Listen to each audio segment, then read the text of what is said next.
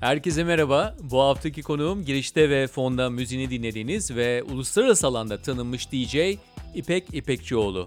Ben Onur Akmehmet ve burası 1118.com.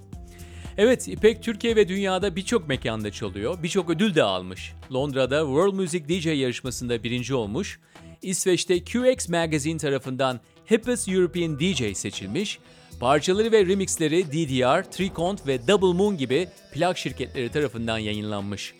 Almanya ile Türkiye arasında gidip geldiği bir çocukluk yaşıyor İpek. Hatta çocukluğunun bir döneminde İzmir'de kendi deyimiyle Almancıların okuduğu bir yatılı okulda okuyor. DJ'liğe başlaması ise bir rastlantı sonucu olmuş. Berlin'in eski ve bilinen kulüplerinden bir tanesine çalarak başlamış kariyerine ve hala orada resident DJ olarak çalmaya devam ediyor. Müziğini eklektik Berlinistan olarak tanımlıyor ve geleneksel müzik türlerini breakbeat, electro, house, Berlin minimal techno, drum and bass gibi elektronik müzik türleriyle harmanlayıp Türkiye ve dünya müziğine farklı bir bakış açısı getiriyor. İpek geldiği zaman stüdyomuza bavul çocuğu olmak ne demek diye başladık konuşmaya. Ben de yeni öğrendim bu terimi. Almanya'nın yeni dalga beyaz Türklerinden bahsettik. Beyaz yaka Türkleri diyelim. O göçmenlerle eskiler arasındaki çatışmalara girdik. Kimlikler, kimliksizleştirmeler derken epey ilerledik ve müziklerle dolu zevkli bir sohbet çıktı ortaya. Buyurun dinlemeye ediyorum. İpek hoş geldin. Merhaba Onur, hoş bulduk. Kasımpaşa'dan mı geldin? Ta Kasımpaşa'dan geldim. Ta yani Ta yürüyerek Kasımpaşa. herhalde. Yok ya, taksiye bindim çünkü o tepeyi çıkmak hakikaten zor Ama yokuş 40 yukarı çıkmak oldu. kalçalara iyi geliyor. Ben var arada bir yapıyorum. Zaten Berlin'de, Sallaya sallaya. Berlin'de üçüncü katta oturuyorum ve bayağı bir beş kat çıkıyormuşum gibi oluyor. Burada Ve da üçüncü katta tabii oturuyorum. yani asansör yoktur. Berlin'de herhalde. ha? Ee, Birçok binada. Nasıl, hangi konuda? Asansör yok tabii. Asansör yok falan anladım. Sansür Asansörüm zaten yok. evet. evet asansörüm yok. O yüzden çıkıyorum durmadan. Yani bayağı hareket ediyorum. Yürüyen bir insan mısın? Yani Berlin'de mesela bisiklet kullanan bir insan mısın? Yürür müsün? Bisikletim de var, motorum da var, arabam da var, ayaklarım da var. Hmm, Her dördünü gerektiğince kullanıyorum. Motor, araba, bisiklet, taban vay. Taban.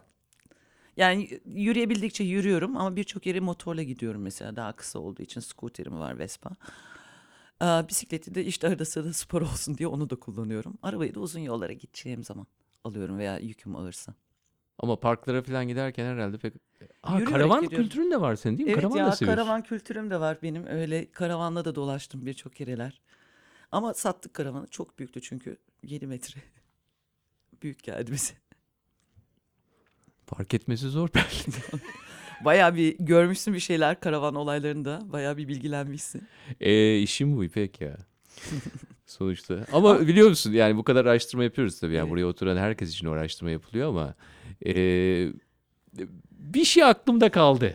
Ha. Hadi anı o ya onu ortaya çıkartayım. Sen tabii e, tabir ne? Sen doğrusunu söyle. Bavul çocuklar mı? Ne?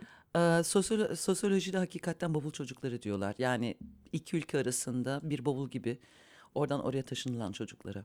Sosyolik yani sosyolojik bir tabir. Ay Türkçem de kötü. Türkçen gayet güzel. Ama yani e, bu zigzaglar arasında diyelim. Evet yani hep ülkeler arasında gidip gelmekle birkaç yılım geçti. Almanya'da doğdum, Münih'te doğdum aslen. Ama Münih'te de hiç yaşamadım. Annem işte bir Dortmund'da, bir Stuttgart'ta falan yaşamış o zamanlar. Sonra da bizim Türkçemiz iyi olsun diye e, dedemlerin yanına gönderdi İzmir'e. Orada da Fatih Koleji'ne gittim. Bir yıl orada kaldım. Sonra annem gene bizi Almanya'ya götürdü. Sonra bir yıl sonra tekrar Türkiye'ye götür gönderdi. Gene yatılı okula. Sonra gene bizi aldı yanına. Sonra gene gönderdi. Sonra bizi tamamıyla aldı yanına. Yani ben iki üç defa böyle Türkiye ve Almanya arasında bavul çocuğu gibi hareket ederken en sonunda Berlin'e 1981-82'de yerleştik tamamıyla. O zaman Türkiye'de olduğun zamanlarda yatılı okulda mı okuyordun? Evet. Fatih Koleji Yatılı Okulu'nda. İzmir'de. İzmir'de. Ve tatillerde de veya hafta sonlarında da dedemlerin yanındaydık. Yani o yaşta peki yatılı okulda okumak nasıl bir deneyimdi senin için? Tek değilim birçok çocuk. Yani birçok Almancının çocuğu aslında orada yatılı okuyordu. Ee, yani. Benzer nedenlerden dolayı mı yani? Onların da Türkçesi iyi olsun diye mi oradalar? Niye oradalar?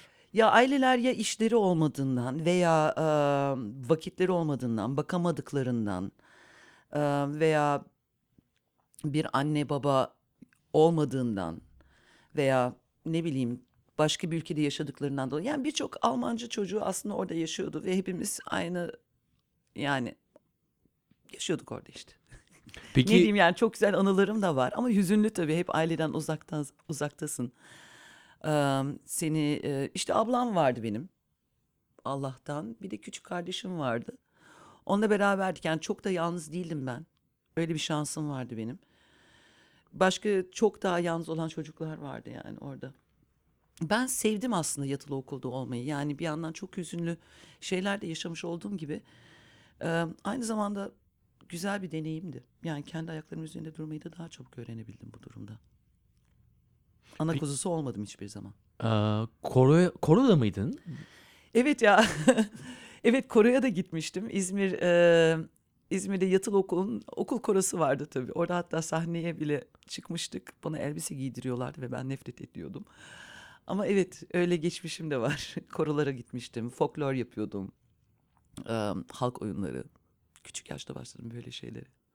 Hatırlıyor musun ne tür şarkılar söylüyordunuz? Vallahi bilmiyorum da eskiden Ya çocuk şarkıları mı yoksa biraz daha Türk sanat müziği tarzı mı? hiç hatırlamıyorum da. E, yalnız şunu çok iyi hatırlıyorum. Beni arada sırada işte öğretmen sınıfına çağırırlardı ve şey derler hadi kızım hadi İpek sen bi- bize bir Türk sanattan oku. Ee, bana da hep bekledim de gelmedin hiç mi beni sevmedin bunu falan söyletirlerdi. Ben de seve seve söylerdim. Elbiseyle. Yok e, yatılı okulda akşamları elbise giymiyordum da sahneye çıkmak zorunda kaldığımız elbise giyiyordum ve nefret ediyordum o durumdan. o yüzden resimde eski bir resmim var hatta bir tane böyle bayağı kötü bakmışım falan. Bana elbise giydirdiniz bunu yapamazsınız gibi. Aa, hiç yıllardır düşünmemiştim. Berlin'de de ama sonra korolara gittim. İşte halk oyunları öğrenmeye gittim. Folklor falan kurslarına. Bilmiyorum çok sevdiğimden. 80'lerde diyorsun. 80'lerde.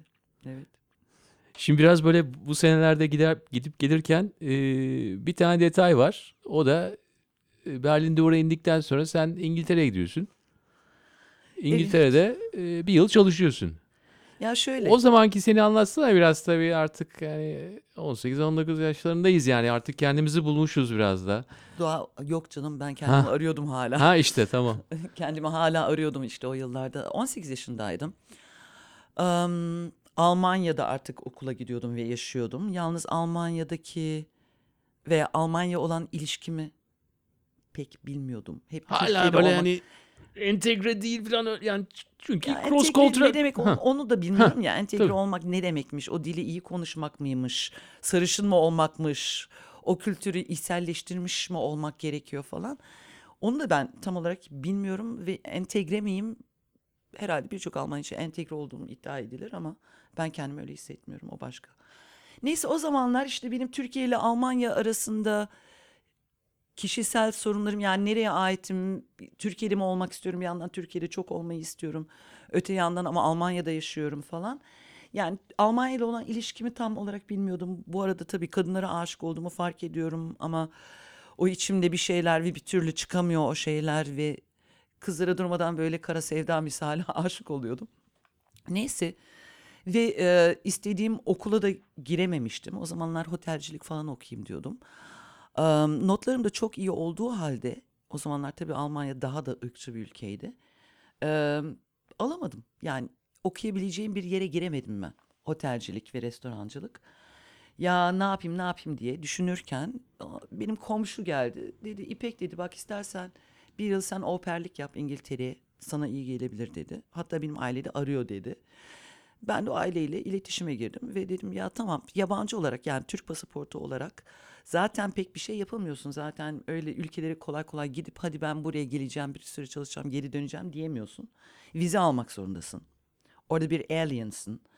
Eee, Alien filmini bilirsin orada eee, ne diyorlardı ya aliens işte uzaydan uzay yaratıkların falan mı? İşte İngilizce'de hakikaten alien diyorlar sana. Sen yabancısın orada. Neyse ben de işte bu aileye başvurdum. Onlar da beni kabul ettiler. Vizem çıktı. Ya dedim ben bu arada yani hiç olmazsa bir ailenin yanında kalacağım. Temizliklerini yapacağım. Çocuklarına bakacağım. Ama hiç olmazsa bana 35 pound gibi haftalık para verecekler. Ve ben dil okuyacağım. Ve kendimi bulacağım. olay oydu. Almanya ile olan ilişkimi öğrenmek istiyordum. Gittim, yaptım. Eee, İngilizcemi de öğrendim. Bu arada işte Almancanın aslında çok da güzel bir dil olduğunu da fark ettim. Tesadüfen Almanca ve İngilizce Goethe'nin yazmış olduğu Ost-West Divan diye bir kitabını gördüm ve karşılaştırmalı okudum. Vay be dedim. Bu dil bayağı güzelmiş aslında dedim. Ve sonra şunu düşündüm. Ya Tek kelimeyle çünkü o kadar çok şey ifade edebiliyorsun ki Almanca'da. Yani Evet. onun için İngilizce'de 15 kelimeye lazım. aynen. Ama İngilizce'de böyle her şeyi shortcut anlatabiliyorsun. Yani kısaca kısa kısa kısa cümlelerle Sulandırılmış yani. Ha. Eee, ve şeyi düşündüm. Ya anacığım ben şimdi hep hayatım boyunca nenilik mi yapacağım? Bu mu olacak benim hayatım? Başkalarının çocuklarına bakmak. Yok dedim. Ben Almanya'ya gideceğim. Ama ilk önce Almancamı daha da iyi yapacağım. Çünkü o zamanlar çok iyi Almanca konuşamıyordum. Çünkü istemiyordum. Red ediyordum Almancayı. Almanya'da olmayı, Almanlaşmayı. Alman olan her şeyi reddediyordum. istemiyordum. Neyse sonra ne istiyorsan ha Almanya'ya gitmek istiyorsan, geri dönmek istiyorsan bir Almanca öğrenmen lazım. Çünkü dil aynı zamanda iktidar ve güç demektir. Bağımsız olmak demektir. Haklarını tanıyor ve alabiliyor olacaksın. Onlardan birisiydi düşüncem. Aynı zamanda okumak istiyorum dedim. Tamam okumak için zaten Almanca öğrenmem lazım. İşte otomatikman ben geri döndüm. Tamam Almanya'da artık ben okuyacağım. Almancamı düzelteceğim. Şunları şunları yapacağım diye kendime program çizdim. Ee, ve bu arada kadınlara olan aşkımı ben Berlin, e, Londra'da yaşamaya başladım. Orada Kıbrıslı bir Türkiye'li Kıbrıslı grup olduğunu öğrendim. Vay dedim ya Almanya'da da böyle bir grup yapsak. Ve bir iki insanla da buluştum. Sonra Grup geri- ne grubu? ya LGBT aralarında işte o toplanıyorlar işte e, Türkiye'li Kıbrıslı insanlar olarak LGBT'ler olarak işte aktiviteler falan yapıyorlar. Am, ve ben bu arada coming out'um yaşadım. Almanya'ya geri döndüm. Hemen ilk yaptığım şey anne evet kızım anne evet yavrum söyle. Ya anne bir yıl önce bir konuşmamız vardı hatırlıyor musun? Neydi ki o? Ya üf, hani sen sormuştun ya ne? Ben lezbiyenim. Ha, ha, iyi, okey. Tamam, oldu, dedi. Anne, ne var? Ya anne, ne var? Ya bu lezbiyenler, geyler yürüyüşe gidiyor. Sen de gelsin yalnız gitmeyeyim. Ay tamam. Köpeğimi, Pekines köpeğimizi aldık ve hep beraber yürüyüşe gittik annem ve ben. Ve ben orada Türkiye'li benzeyen bir sürü insana sormaya başladım. Sen Türkiye'li misin? Evet. Sen lezbiyen misin? Ha bak burada ev numaram var gel grup kuralım. Ve cevaplar şöyle. Sen Türkiye'li misin? Seni ne ilgilendirir? Niye soruyorsun? Ya ben bir grup kuracağım da o yüzden. Lezbiyen misin? E niye buradayım yoksa? Ya hadi gel grup kuralım. Yok ben Türkiye'li lezbiyen grubuna girmek istemiyorum gibi reaksiyonlar. Veya e, benim lezbiyen olmam Türkiye'li olmamla ilgili değil falan. Ya gel ne olur grup kuralım diye ben böyle kağıtlar asarak, afişler yaparak, toplantılara giderek, her tarafa o zaman cep telefonu da yok, internet yok tabii. Ev telefon numaralarımı dağıtarak en sonunda bir grup kurdum. İşte e, Avrupa'nın herhalde ilk yani ilk Türkiye'li lezbiyen grubuydu. E, sonra bayağı Toplantıları nerede yapıyordunuz? evlerde. Sonra bir yerde e, bir enstitüde bize bir oda verdiler. Orada toplanıyorduk. Yani önem yani hem aileler nasıl yapıyor, cinsellik nedir, ırkçılık nedir, e, cinsiyetçilik nedir, feminizm nedir, e, Türkçemiz nasıl? Türkiye'de LGBT olmak öyle bir oluşum var mı? O zamanlar bilmiyoruz anacığım daha 90'lı yıllardan 91'lerden bahsediyoruz. Ve ben böylece e, bayağı bir aktivist olmaya başladım yavaş yavaş. Sonra iki buçuk yıl sonra şey sorduk. Hadi arkadaşlar yürüyüşe gidelim hep beraber. Biz varız diyelim. Bazı ya anacığım ben zaten yani lezbiyen veya kadın olarak cinsiyetçilik veya heteroseksizm yaşıyorum, homofobi yaşıyorum. Ben kalkıp şimdi sokakta alnıma L diye yazıp da ortaya çıkmam diyen de oldu. Hadi çıkalım, politik olalım, görünelim. Biz varız, başkaları da var, onları bulalım diyen arkadaşlar da oldu. Ama sonuçta iki buçuk yıl sonra o grup maalesef yani çözüldü. Ne denilir? Bozuldu. Sokakta olmadan bozuldu yani. Evlerde toplandı ama böyle sokakta yürüyüşlerinizi yapmadan Yok bozuldu. biz gene de aramızda yürüdük. Yani bir 5-6 kişi olarak kadın olarak gittik yürüdük Berlin'de. Berlin'de o Tabii- zamanlar. Takvimde biraz daha ilerlediğimiz zaman 1995 bu sefer sen İstanbul'dasın ve üzerinde sen lezbiyen misin diyen bir Almanca Türkçe bir tişörtle dolaşıyorsun. Evet öyle bir şey de var. Ama aslında Türkiye'deki ilk lezbiyen oluşumlarım da şöyle oldu. Ben sokakta yürüyorum. O zamanlar Kaktüs Kafe var İstiklal'de. Aa dedim "ba- burada bayağı bir sürü bir kadın oturuyor dedim. Belki burada lezbiyen vardır. Ve o zamanlar ben işte bir broşür yazmıştım. Anya in Ayşe. Ayşe Anya aşık, Anya Ayşe'ye aşık diye Almanca Türkçe bir broşür yazmıştım.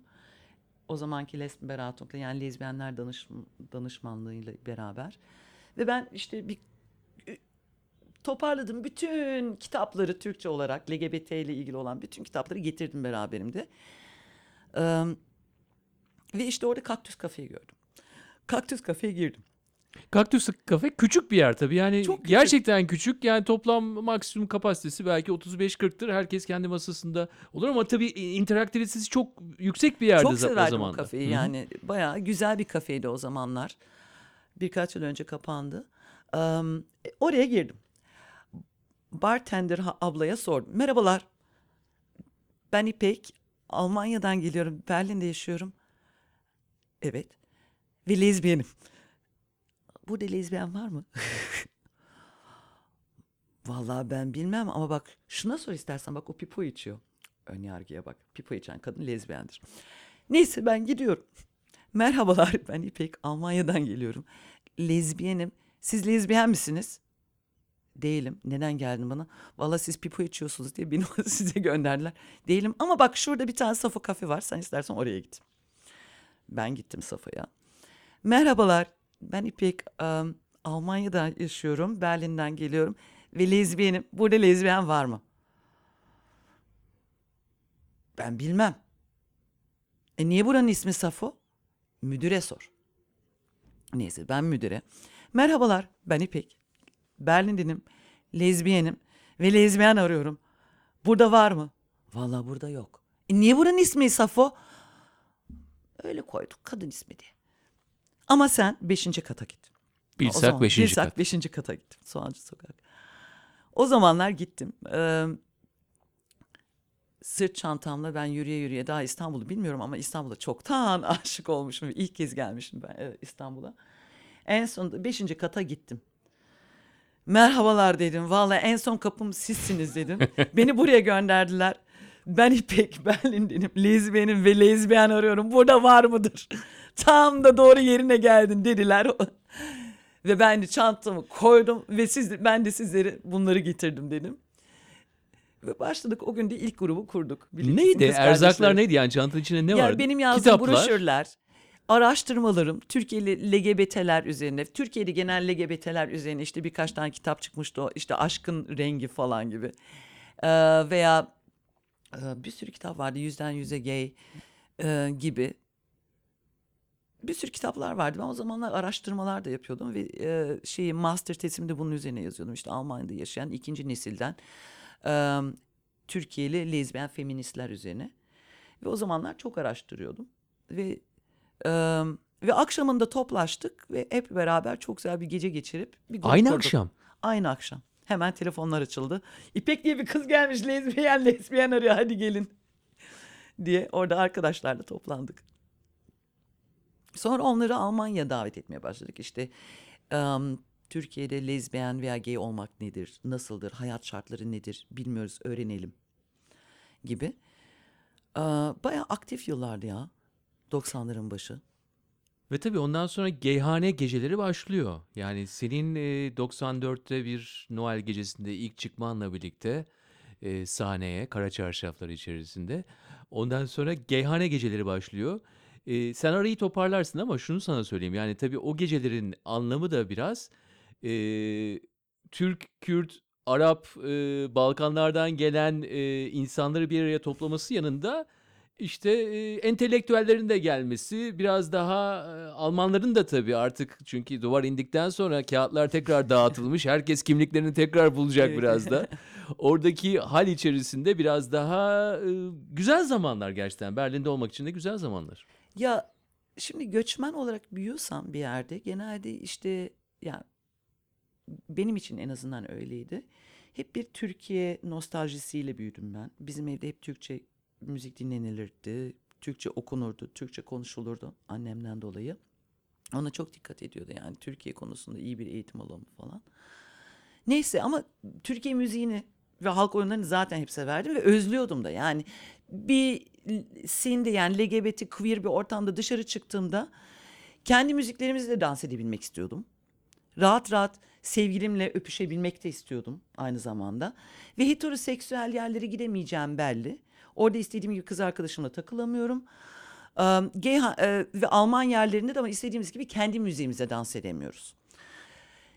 Ve hep bunun özlemi içerisindeydim ve hep böyle yanımda kasetler götürürdüm. O zaman ya ne olur ne olur bir parça çal ne olur bir parça çal da kurtlarımızı atalım falan. DJ de hep böyle "Hmm, bakalım uyarsa belki çalarım falan gibi.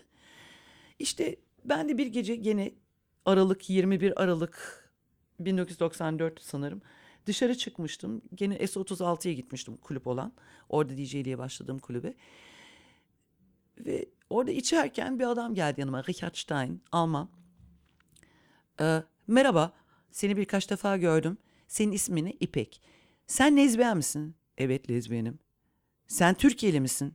Evet, Türkiye'liyim. Ya üç gün sonra bir parti yapacağız. Elimizde Türkiye Türk DJ'yi yok. Gel ne olur sen çal. Ama ben, ben hiçbir şey yapmadım ki. Hiç bilmiyorum nasıl yapılır. Ya önemli değil CD'lerini kap gel. Ya ama benim CD'm bile yok ki. O zamanlar daha CD yeni çıkmış. CD bile yok ki. Ya önemli değil sen kasetlerini kap gel. Neyse ben anneme telefon açtım. Arkadaşlarıma telefon açtım. Plak, CD, kaset ne varsa toparladım üç gün içerisinde. Noel gecesi zaten. Noel gecesinde de işte Almanlar ailelerine gidiyorlar ama göçmenler özellikle işte Müslüman sosyalizasyon yaşamış olan göçmenlerin yaptıkları hiçbir şey yok ve tatil ve körü körüne evde oturmaktansa onlara hadi bir parti yapalım diye fikir üretmişler. Ben de işte kara çarşafımı kaptım. Nereden buldun o çarşafı ya? Ben de vardı o çarşaf. Bir Neden vardı sende çarşaf? Ben o zamanlar sosyal pedagoji okuyordum. Sosyal hizmetler uzmanlığı. Ve ben bir kadın müessesinde staj yapıyordum. O, ve o abla da kara çarşaf giyiyordu. O yani oraya gelen danışmanlardan birisi de e, yani oraya gelen ablalardan birisi de kara çarşafını giyiyordu ve ben de çok sevmiştim o kara çarşafını. Hadi sana bir tanesini hediye edeyim diye de vermişti. Ben Noel gecesi ya zaten. İlginç olur. Yani hem çok heyecanlıyım. Ay müziği kötü yaparsam kimse de görmesin falan gibi. Kara çarşafımı hakikaten giydim ve sahneye çıktım. Oradaki benden önce çalan işte bir tane Alman house DJ vardı. O dedi ya bak şunu şöyle yapıyorsun, bunu böyle yapıyorsun, şunu şöyle yapıyorsun, push the button play. Ha dedim. Adam gitti, ben kasetimi koydum. Millet dans etmeye başladı. İki saat sonra geldi DJ. İyi dedi sen ben siz de beceriyorsun dedi. Ben eve gidiyorum dedi. Noel gecesi zaten. Adam da evine gecesi. E, gidecek. tabii ne yani evet. Ondan sonra ve sabah saat 8'e kadar da dans ettik. Ve New Star was born. Ben tamam dedim anacığım ben bunu seviyorum. Ben bu işi seviyorum. Ve orada İngilizce çalmayan işte Türkçe, Kürtçe, Arapça, İbranice işte Balkan müzikleri falan filan çalan tek ben vardım. İsmim duyulmaya başladı. Ya bir kız varmış işte bu bütün bu müzikleri bizim müzikleri çalıyor. İşte oyun havalar çalıyor, romanları çalıyor, halayları çalıyor. Ay gelin kızı alalım. Yok işte e, ne bileyim lezbiyenlik dayanışma günü. Yok işte göçmen kadınlar dayanışma günü.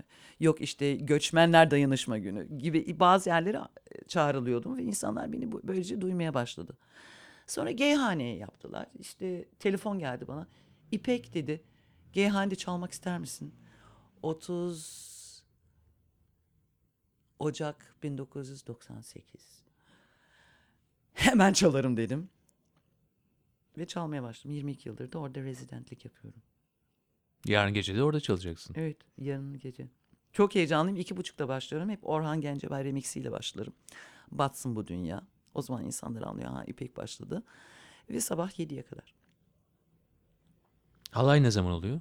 halay aralara giriyoruz. Serpiştiriyoruz. Yani giriyor çıkıyor giriyor çıkıyor gibi. Giriyor çıkıyor arada bir halay giriyor sonra bir işte şemmame giriyor bazen bir bagiye giriyor. Hatta ben iniyorum insanlarla dans etmeye başlıyorum. Birbirimize gösteriyoruz orada nasıl dans edilir nasıl edilmez. Bayağı halkalar oluşuyor. Üçlü iç içe halkalar oluşuyor. Bayağı insanlar seviyor halay dans etmeyi. Bu kadar eski kültürlerden gelmiş e, bu müzikler ve onlarla beslenmiş insanlarla olan bir tecrübeden bahsediyoruz. Ama 22 yılda ne değiştiğini bana söyleyebilirsin herhalde.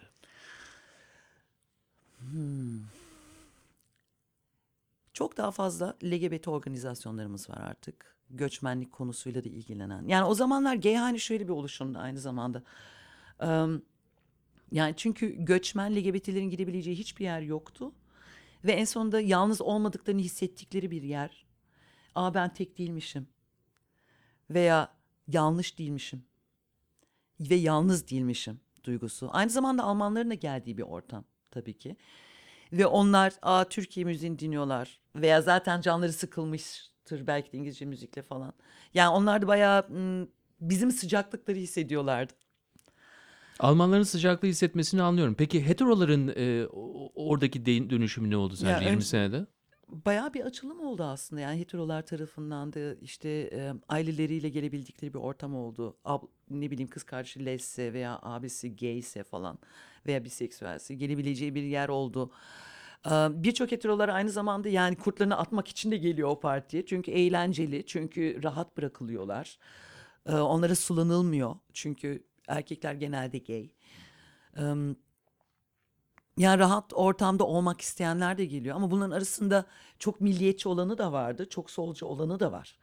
Yani ama müzik orada herkesi birleştiriyor bir yandan.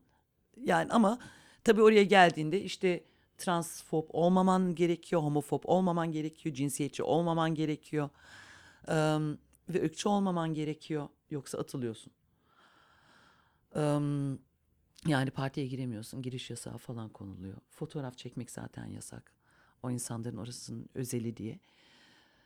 Ve bayağı e, bayağı da hala çok çok tutulan bir parti. Yani her sınıftan insanların geldiği,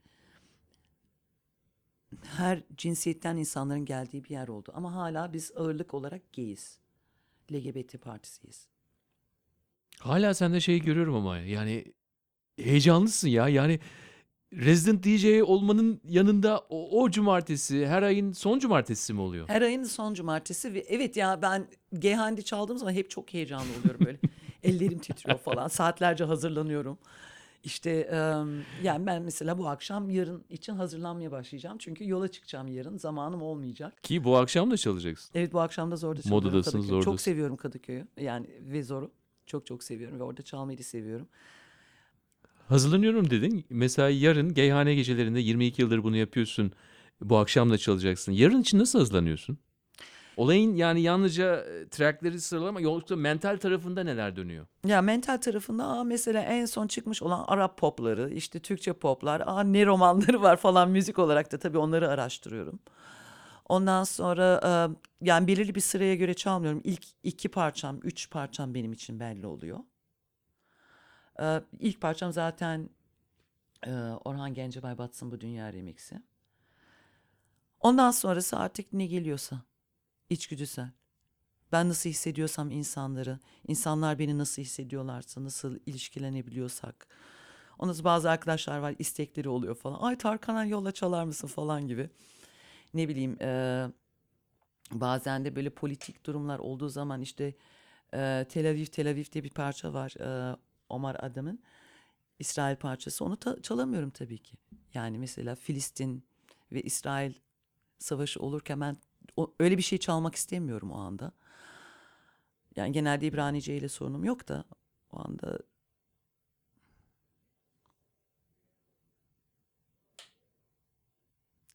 nasıl geldim bu konuya bilmiyorum ama bazı parçalar var çalamıyorum. Bazen insanlar geliyor ya Madonna çalar mısın falan diyor. Ya anacığım Madonna çalamam burada. Madonna'yı çalan bir sürü kulüp var git oraya git. Veya ay normal müzik yapsana ne demek istiyorsun İngilizce müzik. Anacığım burası normal bir parti değil ki. Yani pardon şöyle anacığım bu müzik senin istediğin normal müzik buranın anormal müziği. Çalmıyoruz. Git başka bir yerde dinle İngilizce müziğini. Burada normal olan Orient müziği. Homo Oriental Dance Floor.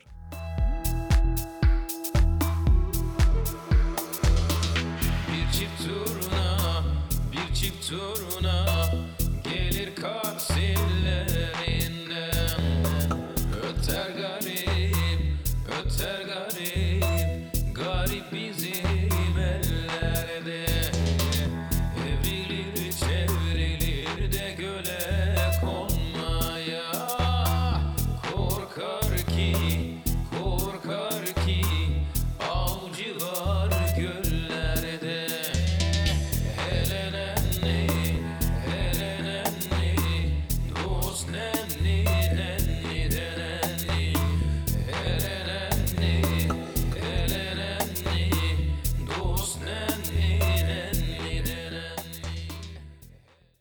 yolculuk dahilinde tabii e, şimdi geldiğinde yani 25 senede tabii çok değişti. Bütün tanımlamamız kendimizi hangi kimlikler içerisinde hepimizin karma kimlikleri var.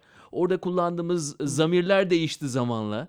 E, şimdi mesela e, non-binary dediğimiz zaman yani kendini bugün de merhaba ben lezbiyenim diye tanıtır mısın? Yoksa o diğer girer misin yani zamirleri kullanarak başka terimlere e, doğru yolculuk yapar mısın? Nasıl? İyi bir hetero için fena değil. Güzel soru bayağı soruyorum. iyi soru. Fena bayağı değil. iyi evet. soru. Başarılı bayağı. Non-binary'nin acaba Türkçesi var mı? NB. e, galiba olduğu gibi kullanılıyor. Baktım bak girmeden Ya önce demesi bile çok zor çünkü non-binary. NB deniyor işte ondan Evet, dolayı. evet. Ha. Yani Almanya'da da kullanıyoruz biz tabii bu terimleri ve e, şey olmadığı için e, bir terim olmadığı için yani Almanca bir karşılığı olmadığı için bunu da non-binary olarak İngilizce kullanıyoruz biz de Almanya'da. Şimdi aslında benim çok kişisel kendimde olan algım e, non-binary olmak. Yani ne kadınım ne erkeğim hiçbir şekilde kendimi o kadın veya erkek cinsiyetiyle de kendimi özleştiremiyorum da. Ee, bazen çok maskülenim, bazen daha feminen olabiliyorum ki çok feminen bir insan değilim. Ee, ama çok daha farklı bir cinsiyet olarak da hissediyorum kendimi aynı zamanda. Ee, ikisinin beraberinde bir şey de olabilir bu. Ee, ama hep hiç erkek olmak istedim mi? Hayır olmak istemedim. Yani bir Mehmet olmak istemedim ben. Bir Ahmet veya bir Hans veya bir John olmak istemedim. Em, o yüzden kendimi daha çok transgender olarak da tanımlıyorum. Politik anlamda ama kendimi tamamıyla lezbiyen olarak hissediyorum. Kafam çok feminist, duygularım çok feminist. Em, ve politik olarak her zaman kadın ve feminizm ögesi benim için en önde planda olacak şeydir bu. Em, ya insanların artık kalkıp ya erkek de değilim, kadın da değilim, ben başka bir şeyim veya o veya o er, kalıpsallaştırılmış erkek kadın tanıtımına girmek istemiyorum, uymak da istemiyorum. Demek diyebilmek artık bunu çok iyi bir şey. Yani insanlar artık ben non-binary'im yani beni kadın veya beni tipik erkek gibi görme ve bana da o kalıpları üzerime giydirme diyebilmesi çok büyük bir özgürlük. Çünkü öyle şeylerle büyüyoruz, öyle kalıplarla büyüyoruz. Hepimiz büyüyoruz. Em, evet ama yani bir de feminist olarak herhalde daha çok old school feminiz, yani old school feminizmden geldiğim için queer feminizmi de çok iyi anlayabiliyorum aynı zamanda. Benim tek sorunum ama bütün bu lüg- e, LGBT queer konumlarında kadının daha gittikçe kayboluyor olmasından korkuyorum ben. Yani zaten kadın yeterince görünür değil. Daha da yani şimdi politik hepimiz hepimiz aynıyız kafasında aslında bazı olayların gene tekrar perde arkası edilmesini ben sevmiyorum. Öyle bir noktaya geliyormuşuz gibi geliyor özellikle Almanya'da. Buradaki tartışmaları çok çok iyi bilmiyorum doğrusu. Ee, Ama çok güzel bir nokta bu. Yani hep böyle ileri gitmek değil olay. Yani içi, birbirinin içerisinde birçok çember var. Evet yani hala gerçekler aynı. Yani bir kadının toplumsal yaşadığı gerçekler her yerde aynı. Bu sırf Türkiye Türkiye ile ilgili bir şey değil. Em, veya lezbiyenler hala çok görünürde değil. mesela. Veya queer konusunu queer ben queer'im dediğin zaman bu senin e, sevdiğin sosyal ve kalben kalp yönelimini de söyleyen bir şey değil. Yani ben evet queer diyebiliyorum kendime çünkü lezbiyen kelimesinden belki daha hoş bir kelime, daha az sert bir kelime ama ne demek aslında? Yani bir queer'im bu benim sosyal bakış açımı topluma yoksa hakikaten lezbiyenim de bunu söyleyemiyor muyum? Yoksa biseksüelim de mi bunu söyleyemiyorum? Belki de sadece hakikaten heteroseksüelim ve bunu ama böyle ifşa etmek istemiyorum. Bakın ben sizlerle aynı toplumsal ögedeyim falan aynı anlayıştayız mı? Yani her şey olabilir queer. O yüzden queer'i tanımlamak da o kadar kolay bir şey değil aslında kelime olarak. Ama evet yani mesela Arap ülkelerine gittiğimde CV'mde ben lezbiyen diye yazmıyorum. Queer living DJ diyorum. Böylece de mesajımı veriyorum. Ama işte e, çünkü bazı ülkelerde yani e, sorun olabiliyor bu. Yani bazı ülkelerde de idam ediliyorsun yani açıkçası. Merhaba, hoş geldiniz. Pasaportunuzu damgalıyoruz şimdi ama sizi idam sapıyoruz. Sehpasına davet edelim. Veya onu yazmamın başka birine yani bu sırf Arap ülkelerine dair bir şey de değil ayrıca yani. Ee, bir yani CV'mde illa queer olduğumu yazmam ve bunun görünür olmasını istememin nedeni de başka insanlar gelsinler görsünler. Çünkü orada benim orada olmam onlara güç de verebilir. Ben de onlarla tanışmak istiyorum bu arada yani. Gittiğim her ülkenin bir LGBT queer camiasıyla ben de tanışmak istiyorum sonuçta. Şimdi yönelimlerimizin tabii kimlikselleştirip hayatımızda ne kadar bunlara e, içine aldığımızı konuşabiliriz. Biraz da konuştuk burada. Peki an ve an o yönelimlerimizin hali hakkında konuşsak. Sen şöyle bir şey demiştin zamanında.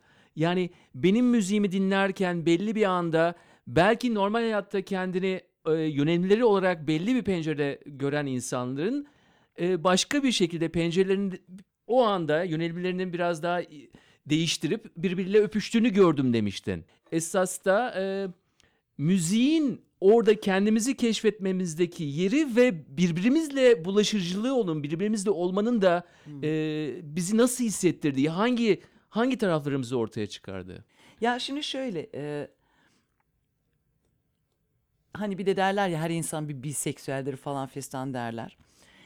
Ben bilmiyorum yani bazı insanlar evet biseksüeller bazı insanlar sadece heteroseksüel yaşıyorlar bazı insanlar işte LGBT veya gidip geliyorlar. Olabilir her şey mümkün bazı insanlar da aseksüel yaşıyor ve hiçbir cinsellik yaşamıyorlar. Eee Ama tahminen bir kadının aslında heteroseksüel yaşayıp yaşayıp başka bir kadını öpmesi sanırım birazcık daha kolay bir şey. Bir heteroseksüel erkek kalkıp bir başka heteroseksüel erkek arkadaşıyla kolay kolay öpüşmez. Olasılığı daha düşük diyebiliriz. Evet olasılığı daha düşük. Ama var. Ama var. Em, ya şey e, gördükçe aslında alışan insanlarız. Yani bir şey bana yabancı değilse bir şeyi sık sık görüyorsam biraz daha normalize oluyor. Bir yandan daha da alışa gelmiş oluyor ve benim yargılarım belki daha, daha da azalıyor. Bu durumda ay neden olmasın deyip o havaya girip bir kadın başka bir kadınla öpüşüyor olması çok olası bir şey. Veya daha önce hiç düşünmedi ve aniden belki de bir kadına tutuldu. Öyle şeyler de var, öyle vakalar da var 40 yaşına kadar. işte heteroseksüel yaşayıp aniden gay oluyorsun veya lezbiyen oluyorsun.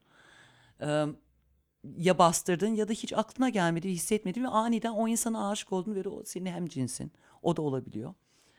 Eğilim midir değil midir onun tartışması var ya aslında ben o tartışmaya hiç girmiyorum. Sonuçta kimin kime heyecanlanıyorum ve ellerim nasıl terliyor ben o insanı gördüğüm zaman nasıl bayılacak gibi oluyorum veya nefesim kesiliyor. Demek ki o. O insanda ben de genelde kadın. Yani genelde değil hep kadın. genelde değil, hep kadın. Biraz önce genelde demiştin en azından. Hep kadın.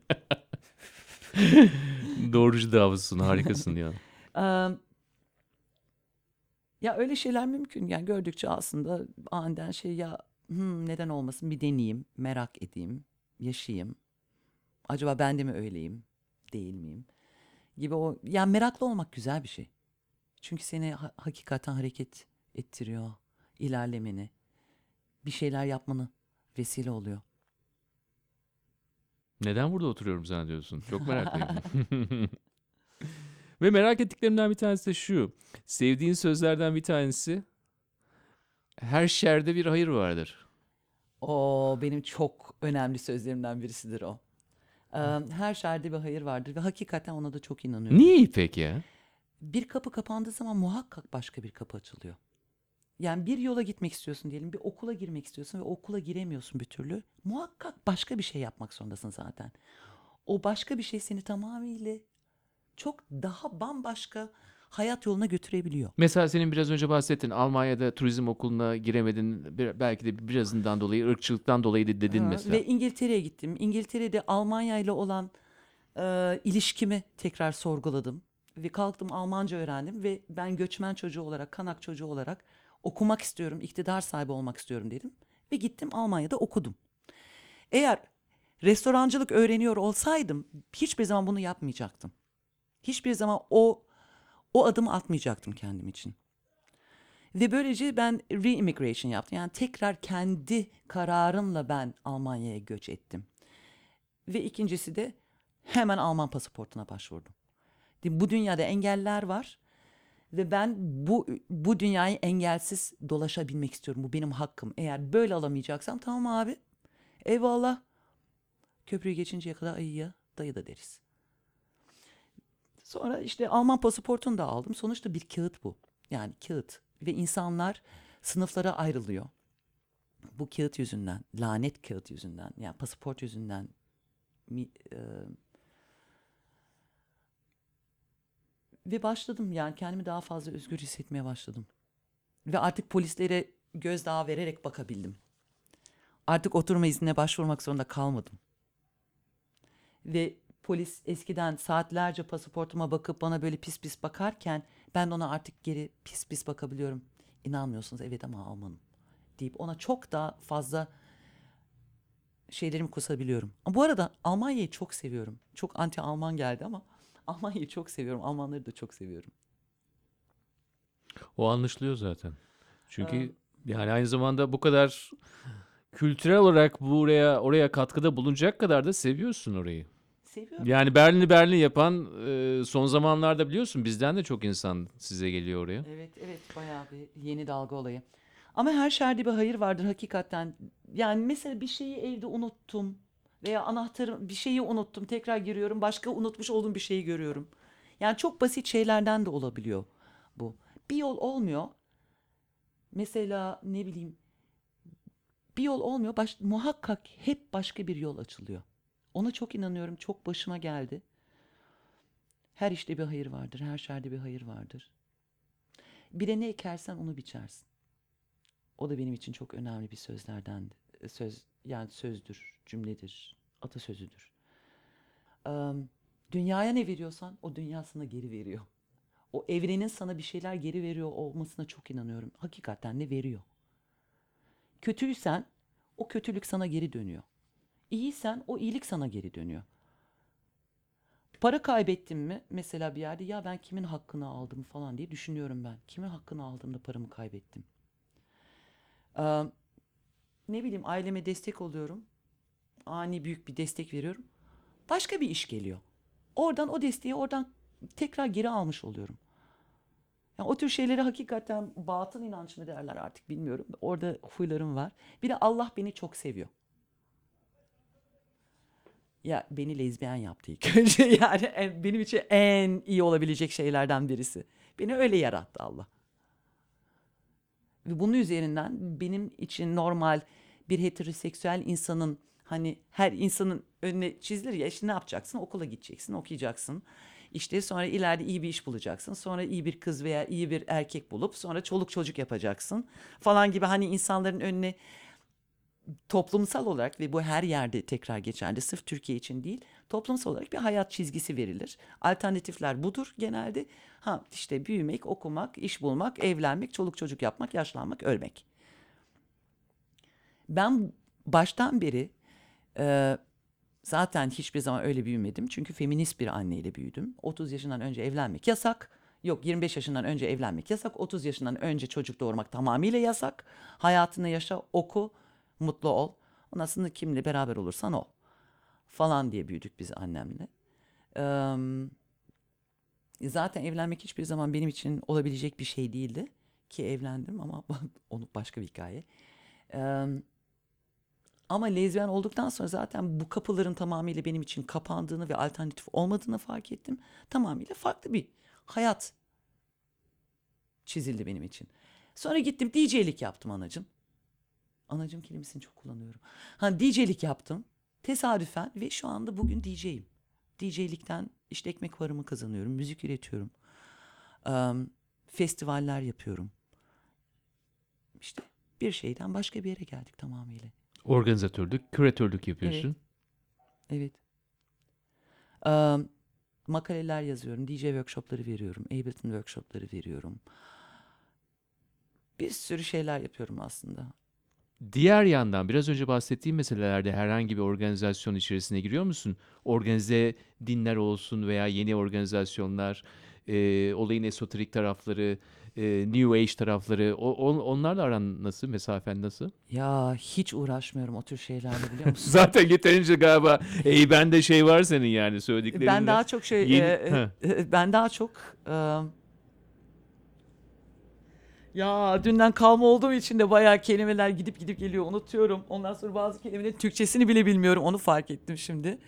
E, ya ben çok down to, down to earth bir insanım. Yani boğa burcuyum. Bir E, bu işte- podcast'te genelde çok İngilizce kelime kullanılıyor onun için. Ha iyi tamam rahat olayım. Almanca olmasın çünkü yani şey yapamayız. Evet bayağı bir down Boğa to earth. burcusun, down to earth'sün. Evet. Ha buradayız şimdi. Yani boğa burcuyum, oğlak burcuyum da yükselenim. Yani böyle tamamıyla toprak. Toprak ben buradayım bugün. Ee, yani maalesef ezoterik yanlarımı pek yapamadım ama fala baktırıyorum mesela. O benim ezoterik yanım. Fala baktırıyorum ve maalesef çok inanıyorum. Ama hiç spiritüel veya ezoterik olamadım. Ama Allah beni seviyor diyorsun beni Evet, lezbiyen Allah beni yaptı. seviyor. Yani benim orada bir e, kendimi yakın hissediyorum. Evet öyle bir inancım var. Ama Müslüman mısın der diye soracak olursan yani çok kendime ait bir şekilde bir inancım var. Çok seyrekle ol, çok seyrek olmakla beraber arada sırada namaz da kılıyorum. Kıldığımda da takke takıyorum.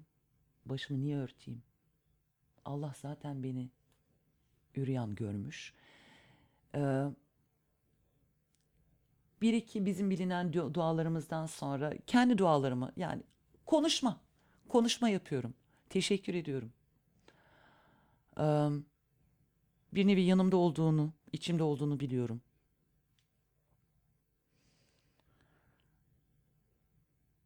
Ama Allah bir kadın da olabilirdi. Siyahi bir kadın da olabilirdi. Yani bilmiyorum. Allah'ın cinsiyeti yok. Ama hissediyorum.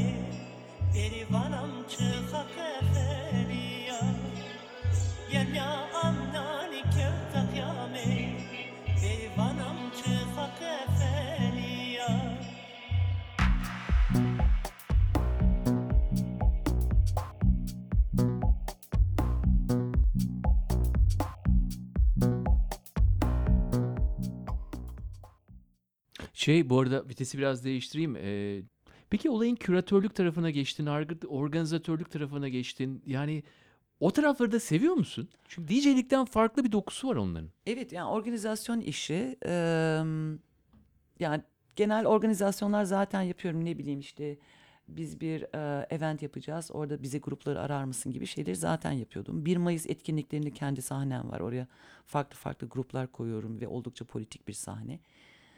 Eee, ve Displays ilk önce New Sounds of Berlin in Istanbul diye başladık biz bunu.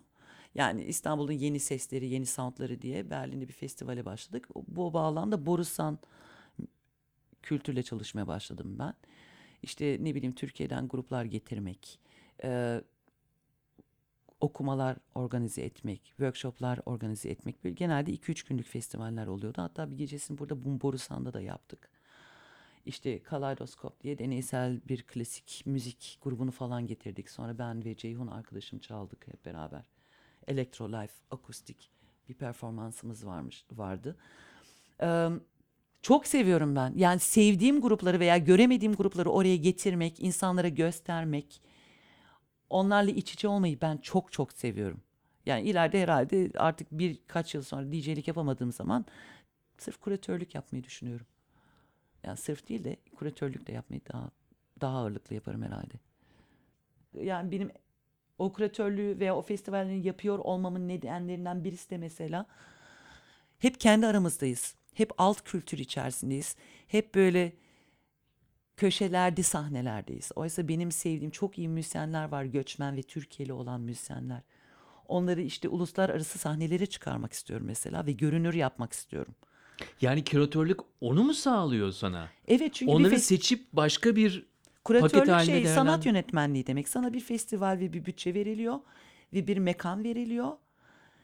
Yani o mekanla sen çalışıyorsun ve diyorsun abi ben e, ne bileyim işte Türkiye'nin e, deneysel elektronik müziğini burada göstermek istiyorum. Veya Pınar Selek gelsin bir oku- okuma yapsın. Veya bir çağdaş dans ve folklorik ve çağdaş dans workshopu olsun. Veya e, ne bileyim Türkiye'nin e, işte mesela şunu bile yaptım ben. Bir viyolacı ve bir çelocuyla alıp bir saz Derya Yıldırım muhteşem güzel sesi var ve çok iyi saz çalıyor. Deconstructing saz yaptık biz. Ve bunun Heimatlos yani Heimat kelimesini kullandık. Memleket. Ve şey yani türkülerimizi nasıl deconstruct edebiliriz ve nasıl geri dönebiliriz oraya. Muhteşem güzel bir konserdi ve bunu daha önce ama kimse yapmadı mesela merak ettiğim şeyleri müzikal ve görsel olarak gerçekleştirebildiğim ve insanlara gösterebildiğim ya arkadaşlar bunlar da var, bunlar da var, şunlar da var ve aynı zamanda birçok sanatçının en sonunda kendi işlerini gösterebileceği yerler yerler yaratmakla meşgulüm ben aynı zamanda. Yani kendi güvenli zonlarımıza takılıp ondan sonra herkes zaten birbirine iyi alanlarda rahat rahat takılmak tamam o da güzel ama diyorsun ki alıp onları diğerleriyle birleştirip biraz daha mainstream'e taşımak da çok önemli diyorsun. Yani maalesef mainstream olmuyor çünkü mainstream olsaydı binlerce insan gelirdi mesela. Ama biraz daha tanıtır ve görünür yapmak istiyorum ve iyi sahnelerde görünür yapmak istiyorum. Ve beni mesela bu yeni dalga neler getiriyor beraberinde, onların tartışmaları nedir, e, konular nedir, durumları nedir? O da benim aynı zamanda çok ilgimi geçiyor ve yeni dalga ile eski göçmenleri aslında beraber getirmek. Çünkü öyle bir diyalogumuz yok. Yeni Yani- dalga Türkiye'den Berlin'e göç şu edenler son mi? 5 yıldır gelen de farklı farklı sosyal Sanatçı vizeleriyle gelenler, sanatçı veya edenler. öğrenci veya ne bileyim işte e, akademisyenler. E, le- Onlarla onlarla benim gibileri yani birleştirmek. birleştirmek, diyalog kurmak. Bu çünkü çok çünkü kültürel farklar var aramızda. Yani biz eskiden işçi sınıfı olarak gittik oralara. Bugün gelen yeni dalga ise daha çok akademik, elit, beyaz Türk diye tanımladığımız tiplemeler çoğunluğu. Hepsi değil tabii ki. Ve ama kültürel sorunlarımız var. Bu kültürel sorunlardan dolayı diyalog da kuramıyoruz. Dil sorunu da var. Eee, algı sorunu da var ve kültür algı sorunu da var. Bunları da bir nevi yıkmaya çalışıyorum ben. Çünkü hem Türkiye'li hissediyorum kendimi hem de Almancıyım. Ama bir tipik Almancıdan farklıyım çünkü kendimi Türkiye ile çok özdeşleştiriyorum. Zaten yılın 10-15 defa Türkiye'ye geliyorum.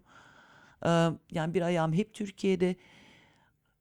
Burada olmak çok güzel, orada da olmak çok güzel ama hepsini beraber yaşamak çok daha güzel. Türkiye çok zengin. Birçoğumuz tanımıyoruz ama bunları. Müziğin anlattığı dil, kelimeler, verdiği hissiyatlar. O yüzden onları anlatabilmek için kalktım ben işte bizim türkülerden elektronik versiyonlar yapıyorum. Çünkü mesela Uyan Uyan parçası Petra Nachtmanova ile yapmış olduğumuz. Kız hem saz çalıyor hem de şarkıyı söylüyor. Ben elektroniği yaptım. Eee, mesela orada ya Pir Sultan Abdal muhteşem güzel şeyler yazmış. Ve biz uyan uyan ötme bülbül ötme parçasını genelde saz üzerinden işte amcalar çalarken bunları dinliyoruz. Arada sırada bir bardan geçerken dinliyoruz. Ama sırf saz üzerinden yürüdüğünden sadece belirli bir kitleye hitap ediyor bu müzik.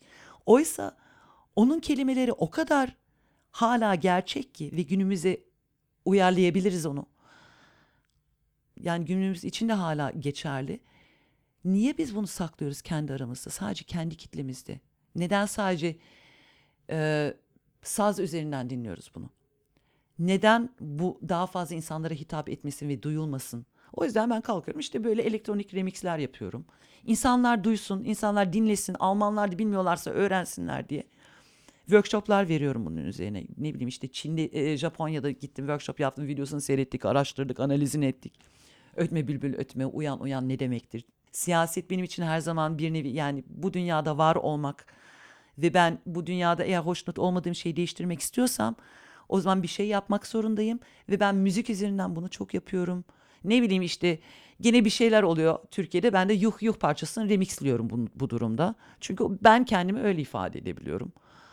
Veya insanlar hep ayaklanmışlar, ne bileyim bir gezi oluyor, Brezilya'da ayaklanmalar oluyor. Ama sonra polis şiddetinden dolayı insanlar korkuyor. Zaten bir şey değişmiyor, daha da kötüye gidiyor diye insanlar kendilerini evlerine geri çekiyorlar. Toplanmıyorlar artık. Ve benim uyan uyanla vermek istediğim mesaj aslında yalnız değilsin. Uyan ve geri dön. Zaten istenilen şey de bu. Yalnız değilsin. Sen de acı çekiyorsun. Birçok insan acı çekiyor ama evde kalmak, içinde olmak o da bir sorun. Yani bir çözüm değil. Öyle bir mesaj. Ondan sonra gene bir şeyler oluyor. Ne bileyim o zaman Dönence'nin remixini yapıyorum. Olacak Dönence. Geleceğiz, göreceğiz. Yani öyle. Bir de insanlar bizim yani mesela Almanya'da yapıyorum, Avrupa'da yapıyorum bunları ve kulüplerde de çalınıyor bu parçalar. Ama birçok insan aa böyle bir şey mi vardı falan bilmiyor bile. Bir de elektronik müzik mesela çok şey üzerinden yürür ya. Yani özellikle bizim Almanya'da dinlediğimiz kulüplerde çalınan müzikler çok az sözlüdür veya hep aşktır. Ee, bense kalkıp ya bu- bizim dillerimizi bu Türkçe de olabilir, Kürtçe de olabilir. Bunlar duyulsun.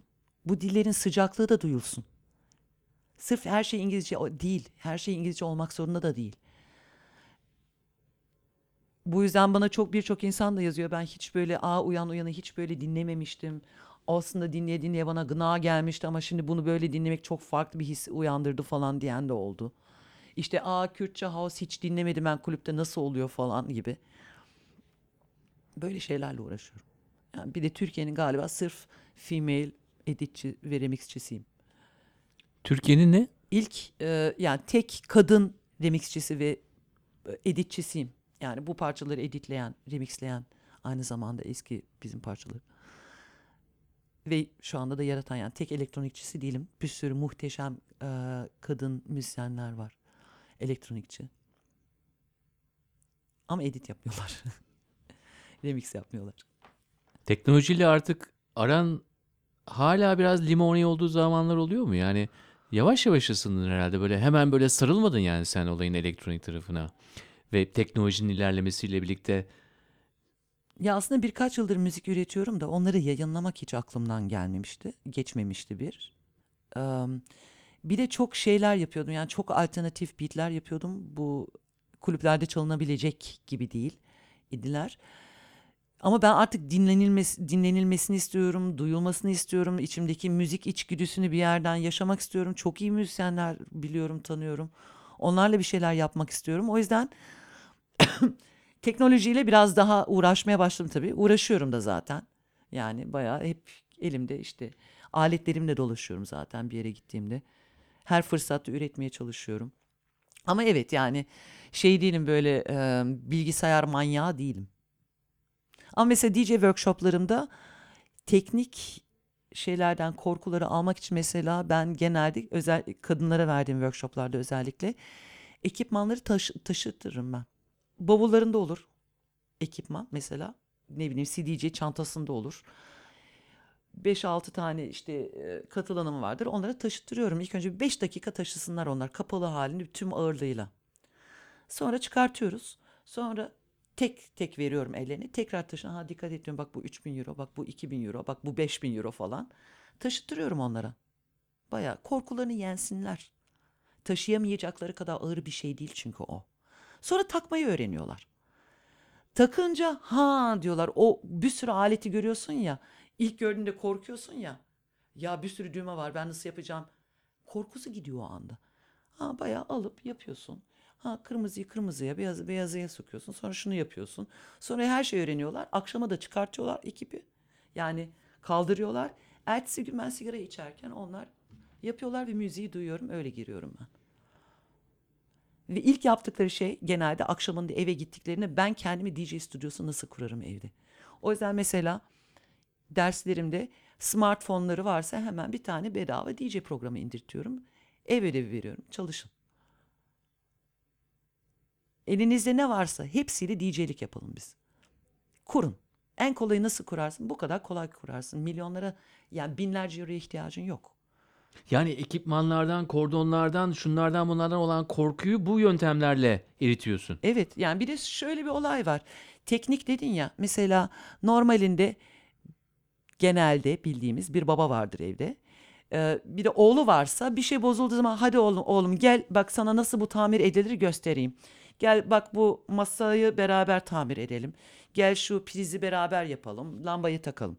Hiçbir zaman kızım yavrum Ayşe hadi gel sana da göstereyim denmez. Baştan beri kız annesinin yanına gitmek zorundadır çoğunlukta. Oğlan da babasının yanında bir takım şeyleri öğrenir ve küçüklükten beri öğrendiğinden dolayı da korkusu azalır. Daha fazla cesaretli olur. Ama kız çocuklarında çoğunlukta böyle bir cesaret olmuyor çünkü öğretilmemiş, gösterilmemiş, güvenilmemiş. Ben o anda yaptığımda kızları bayağı ağır yani bir plak çalar. Technics 9 kilo. Onlar 5 dakika o 9 kiloyu taşıyorlar ve kırmıyorlar. Ve o alet ileride hala ses çıkartıyor. Veya alıyorlar onu işte CDJ'dir, iki tane yok mikserdir, iki tane pick-up'tır sonra bilgisayarı kuruyorlar. Ve diyor aa bunların hepsini ben mi kurdum oluyor. Korkularını alıyorum. Korkuları yok oluyor onların. Önce hardware ile olan ilişkisini kuruyorsun, Evet sonra şeye geçiyorlar. Ekrana ve şeye geçiyorlar, software'e geçiyorlar. olay o. Önce korkuları yeniliyor. Ve her gün yapmak zorundalar. Her gün bunu bu setup'ı kurmak ve bu setup'ı kaldırmak ve ertesi gün tekrar kurmak zorundalar. Her gün. Üstad bana da bir yer aç ya. Yalnızca kadınlar olmasın. Biz de yani çok Tamam, şey veririm görmedik öyle workshop. yani. Ampulü bile Düşünüyorum zor vallahi bu- değiştiriyoruz. Bak içeride ampulü attı. Kaç gündür değiştiremiyoruz. Şimdi geceler de yakınlaşıyor O gündüzleri. tembelliktendir. Ama değiştiririm abi varsa ampul. o zaman mikrofonu Varsa bir iki kapatalım. priz, onları da tamir edelim. Uluslararası DJ evet İpek 1118 stüdyosunda ampulleri değiştirirken. Evet. Ağzına yüreğine sağlık. İyi ki buradasın. Çok teşekkür ederim sana. Ben teşekkür ederim.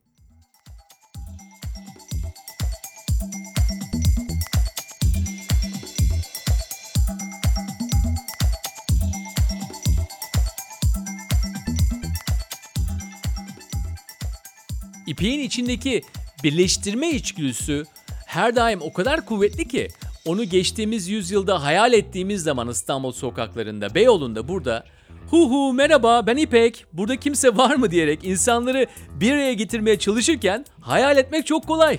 Ve unutmayın şunu da söyledi. Korkularını azalt ve her gün yap dedi. Her gün yap. Yıllardır müziğiyle de bunu yapıyor zaten. Dans pistinde farklı dilleri, gelenekleri ve kültürleri bir araya getiriyor. Teşekkürler DJ İpek. Birleştirmek demişken ay sonunda 29 Kasım Cuma Anlat Hikayeni gecemiz Cihangir Kriya Atölye'de gerçek hikayeler anlatıp dinleyerek bu gecede bir araya gelmiş olacağız. Bu ayın teması beklemek. İçerisinde beklemek geçen hikayelerinizi o gece sahnede anlatmak isterseniz ahikayeni at gmail.com'a hem iletişim bilgilerinizi gönderiyorsunuz hem de hikayenizin kısa özetini. Etkinlikle ilgili detaylar her zaman olduğu gibi Anlat Hikayeni sosyal medya hesaplarında. Evet bu podcast'ı hazırlayanlar editörümüz Onur Koçatürk, direktörümüz Berna Kahraman ve ben Onur Akmehmet. Haftaya yeni bir insan diyoruz. Yeni bir hikaye ve yeni bir podcast'le görüşmek üzere.